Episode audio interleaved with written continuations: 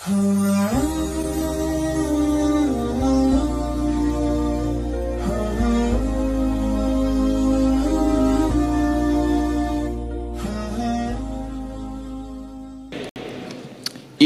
ammanal imamu fa aminu.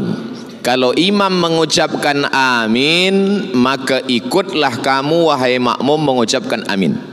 Ghairil maghdubi alaihim waladdallin.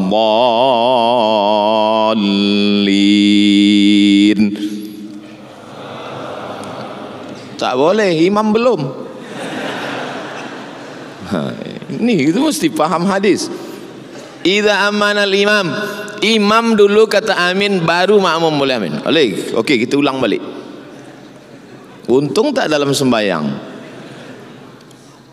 اهدنا الصراط المستقيم صراط الذين أنعمت عليهم غير المغضوب عليهم ولا الضالين.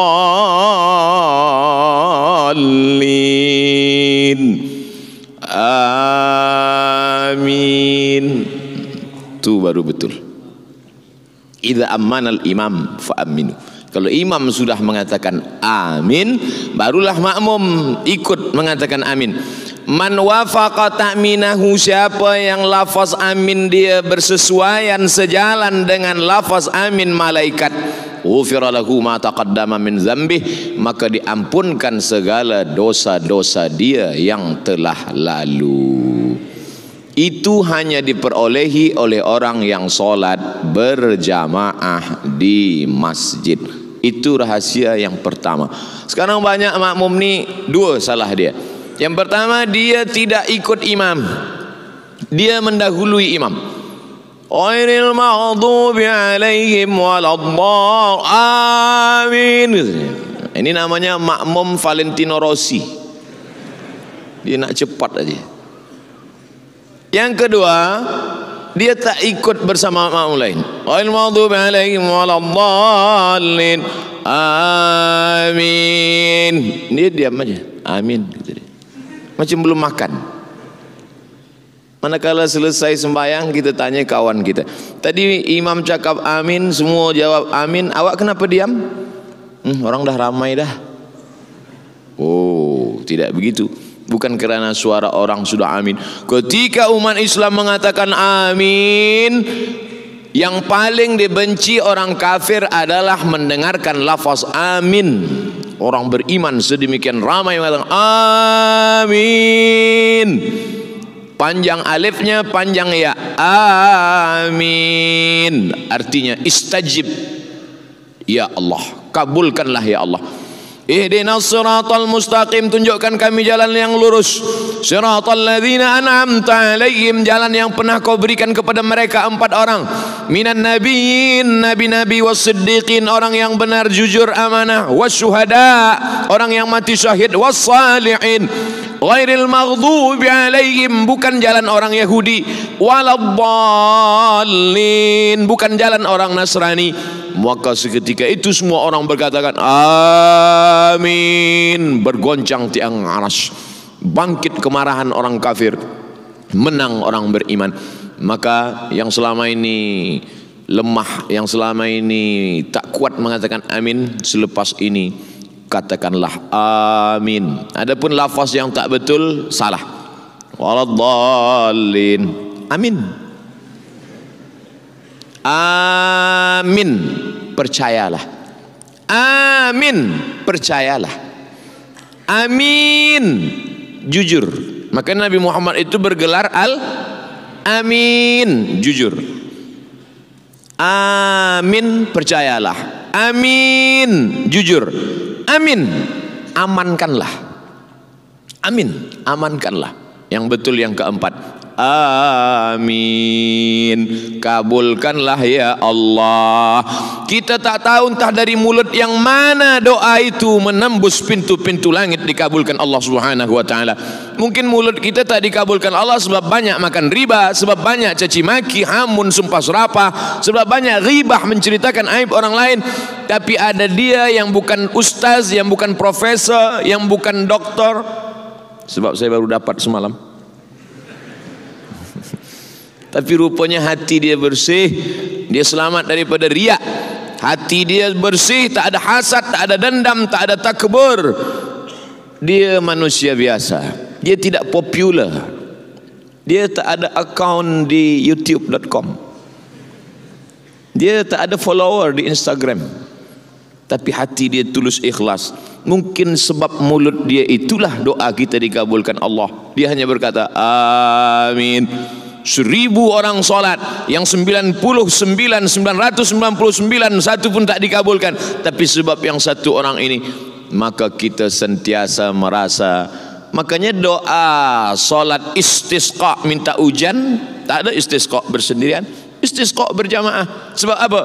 Bila turun hujan orang tidak menyangka sebab doa saya lah hujan itu turun. Saya sampai hari ini belum pernah jadi imam istisqa. Walaupun beberapa kali jerebu mereka minta saya tak nak jadi imam. Sebab saya takut bila hujan tak turun makmum salahkan imam.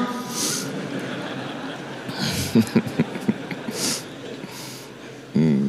Tapi kalau makmum tu mengaji, dia faham, dia tak akan salahkan. Sebab tak tahu entah dari mulut yang mana doa itu dikabulkan Allah. Maka berjamaah. Kalau hujan turun, dia tak Oh, sebab saya lah maka hujan ini turun. Cuba kalau bukan saya yang imam. Mana turun? Iya kalau turun, kalau tidak. Oleh sebab itu maka ini hikmah yang pertama. Sampai hikmah berapa Ustaz sampaikan malam ini? Saya tak tahu hikmah yang keberapa. 60 minit habis. Sesuai yang tertulis 600 mililiter. Lepas itu kita jawab soalan 15 15 minit.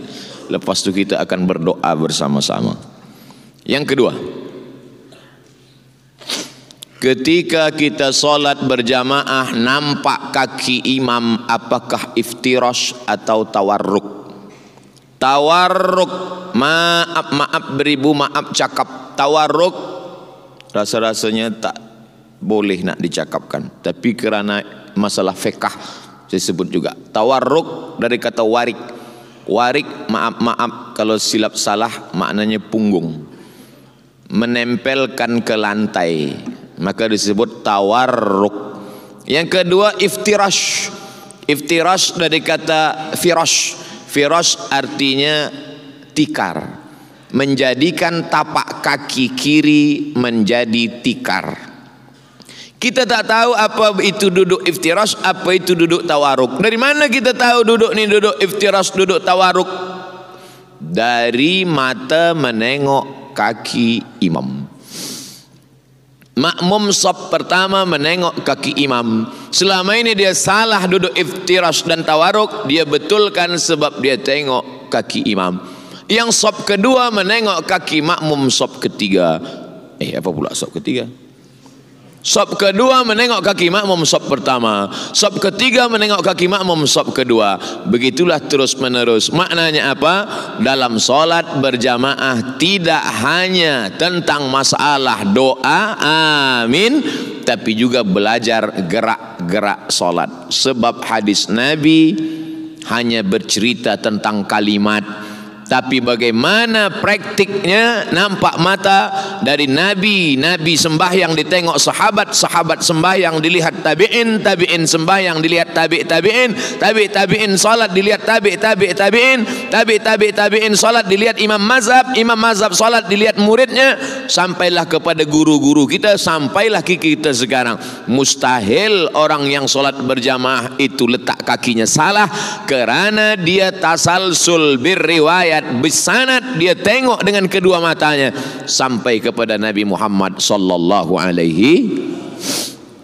Maka tak boleh orang masuk Islam. Dari mana awak belajar solat masuk Islam? Saya beli buku tuntunan solat saya baca sendiri saya solat sendiri. Salah. Jangankan geraknya, jangankan angkat tangannya, jangankan letak tangannya, jangankan duduk tasyahudnya, jangankan gerak tangannya bacaannya pun pasti salah manakala dia buka Quran dia tengok tulisan alif lam mim alif lam mim tulisan sama bunyi beza alif lam mim dibaca alam nasrah Alif lam mim tidak dibaca alam. Alif lam mim. Dari mana dia tahu beza alif lam mim dengan alam nasrah? Dari telinga mendengar imam. Oleh sebab itu mendengar bacaan imam. Alhamdulillahi Rabbil Alamin. Ha. Ra. A. Di situ banyak orang salah. Ha. Dipegang dada. Tak bergetar dia. Itu huruf ha. ha. ha. Tapi kalau dia bergetar. Alhamdulillahi lillahi hi hi. Dipegang dada bergetar. Hi ha besar. Kalau tak bergetar ha, ha kecil. Kalau sedang mengajar, gosok gigi dulu. Kita khawatir dua kemungkinan. Kalau tak imam pengsan, makmum mati. Leso itu maka ini adalah belajar. Maka orang yang niat solat berjamaah ke masjid, niat dia niat belajar. Man kharaja fi talabil ilmi siapa yang keluar rumah dengan niat menuntut ilmu fahuwa fi sabilillah. Maka dia sama seperti orang yang berjihad fi sabilillah. Hatta yarji'a sampai dia pulang ke rumah. Jihad jihad jihad jihad. Subuh jihad. Zuhur jihad. Asar jihad. Maghrib jihad. Isya jihad. Malam jihad. Tak betul. Mana aku pernah pergi jihad ke Rohingya Aku tak pernah pergi jihad ke Uyghur. Aku tak pernah pergi jihad ke Palestin. Kenapa dapat pahala jihad? Sebab niat dia ke masjid bukan hanya solat berjamaah. Tapi niatnya adalah belajar solat. Nabi, di bawah Nabi, sahabat. Di bawah sahabat, tabi'in. Tabi'in tak berjumpa dengan Nabi. Kalau ada tabi'in berjumpa dengan Nabi, namanya sahabat. Datanglah tabi'in berjumpa dengan sahabat. Nama sahabat ini adalah Khabbab ibnul Arth. Khabbab ibnul Arth. Ya Khabbab, ya. Engkau pernah sembahyang bersama Nabi, ya? Saya sahabat Nabi, ikut perang dengan Nabi. Salat di Masjid Nabawi bersama Nabi. Oh, kata tabi'in. Nabi itu kalau salat mulutnya bergerak atau diam? Solat zuhur, solat asar, solat yang tak berbunyi. Kata tabi'in. Sahabat Khabbab ibnul Arth menjawab. Nabi kalau solat mulutnya bergerak. Dari mana engkau tahu? Dari mana engkau tahu bahwa Nabi kalau solat itu mulutnya bergerak? Kata Khabbab. Bittirabi lihyatih. Aku tahu mulut Nabi bergerak sebab janggutnya bergoyang. Bismillah. Hmm. Sebab tidak mungkin janggut berguyang kecuali ada angin kencang. Tapi rasa-rasanya di Masjid Amirah Hajah Maryam tak mungkin janggut bergoyang sebab tak ada kipas angin.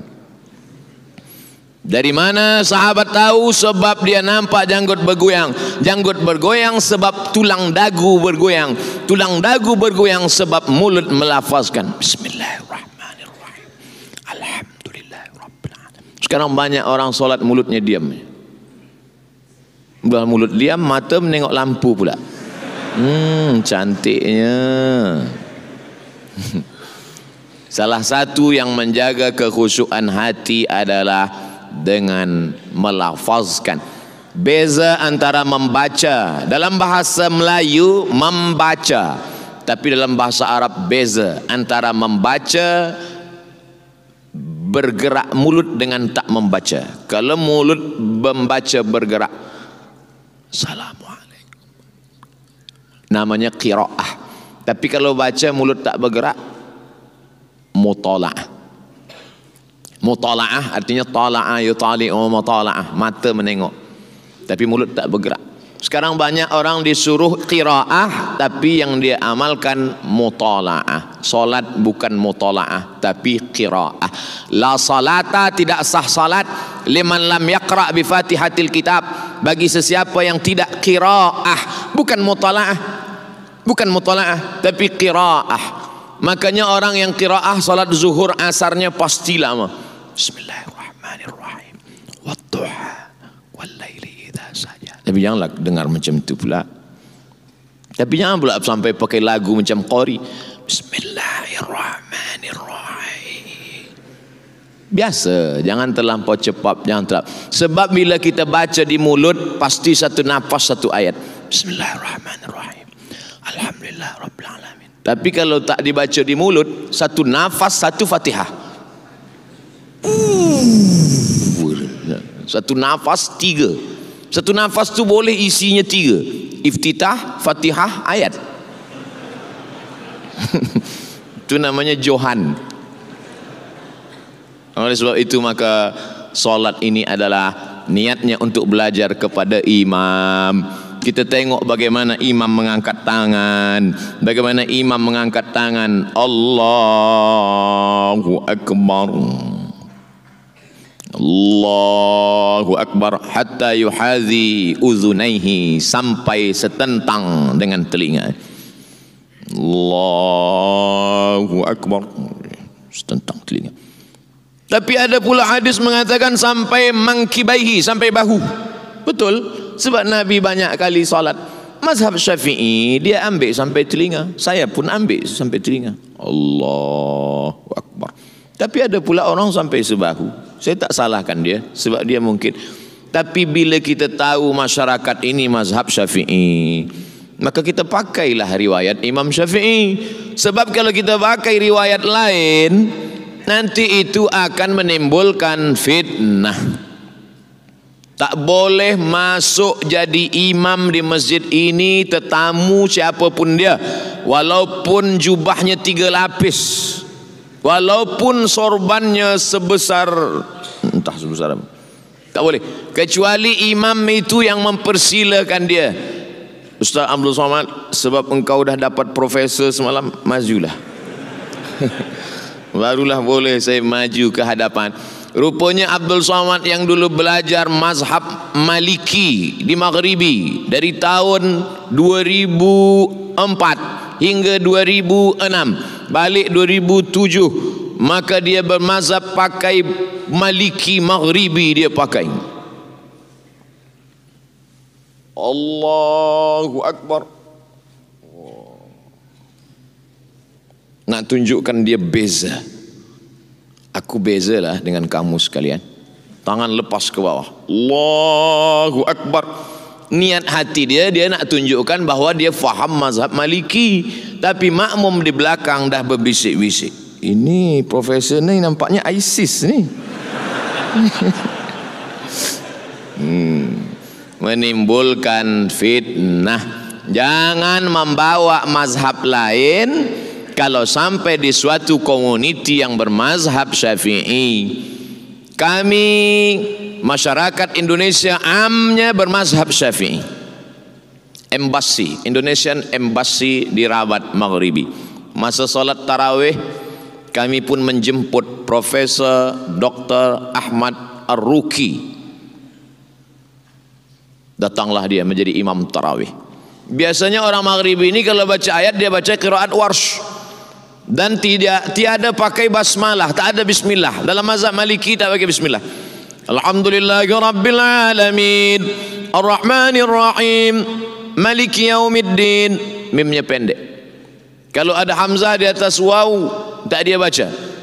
Alladzina yuqimuna as-salah. Alladzina yu'minuna bil ghaib biasa bila dia jadi imam bersama orang maghribi dia pakai kiraat warsh. Dan bila dia menjadi imam dia pakai mazhab syafi'i. Tapi malam itu di Indonesian Embassy dia jadi imam. Allahu Akbar Bismillahirrahmanirrahim. Alhamdulillahi Rabbil Alamin Selepas salat tarawih kami tanya Syekh Kenapa pakai mazhab syafi'i? Dia senyum Sebab kamu semuanya bermazhab syafi'i. Aku tak ingin berbeza dengan kamu. Kamu-kamu penuntut ilmu faham. Tapi orang yang lain ini tak faham. Khawatir menimbulkan fitnah hari ini datang orang dia pakai mazhab yang dia pelajari kerana ingin menunjukkan dia beza. Aku beza dengan yang lain. Oh doa tul fitan. Dakwah dai-dai yang membawa kepada fitnah. Saya sebelum bagi tazkirah ke Brunei Darussalam first time pertama kali datang dibagi tahu Ustaz Abdul Samad kita di Brunei Darussalam berpegang kepada akidah Asy'ari Ahlus Sunnah wal Jamaah dalam masalah tauhid dalam masalah fiqh kita bermazhab Syafi'i dan dalam masalah tasawuf tasawuf kita Sunni Junaid Al-Baghdadi dan Abu Hamid Al-Ghazali maka jangan keluar daripada ini saya diam saja sebab saya ni memanglah itu. Tapi saya tak jawab. Takkan saya katakan, memanglah aku macam itu. Sebab itu mesti dijaga. Kerajaan mesti menjaga itu. Sebab kata Imam Al-Mawardi dalam kitab Al-Ahkam As-Sultaniyah, hukum hakam kesultanan, fungsi daripada kerajaan gunanya adalah ra'id din. Wat daulah? Ra'id din menjaga agama. Jangan sampai orang datang merusakkan akidah sunnah merosakkan sehingga muncul kerisauan jamaah. Ikhtilaf fiqh ikhtilaf ikhtilaf ikhtilaf ikhtilaf. Alhamdulillah terjaga. Akidah sunnah wal jamaah Abdul Hasan Al-Asy'ari fiqh empat mazhab Hanafi, Maliki, Syafi'i, Hambali. Tapi kita pakai fiqh Syafi'i. Ha, ini semua untuk menjaga umat. Maka dalam sembahyang pun begitu juga. Alhamdulillah imam-imam kita menjaga itu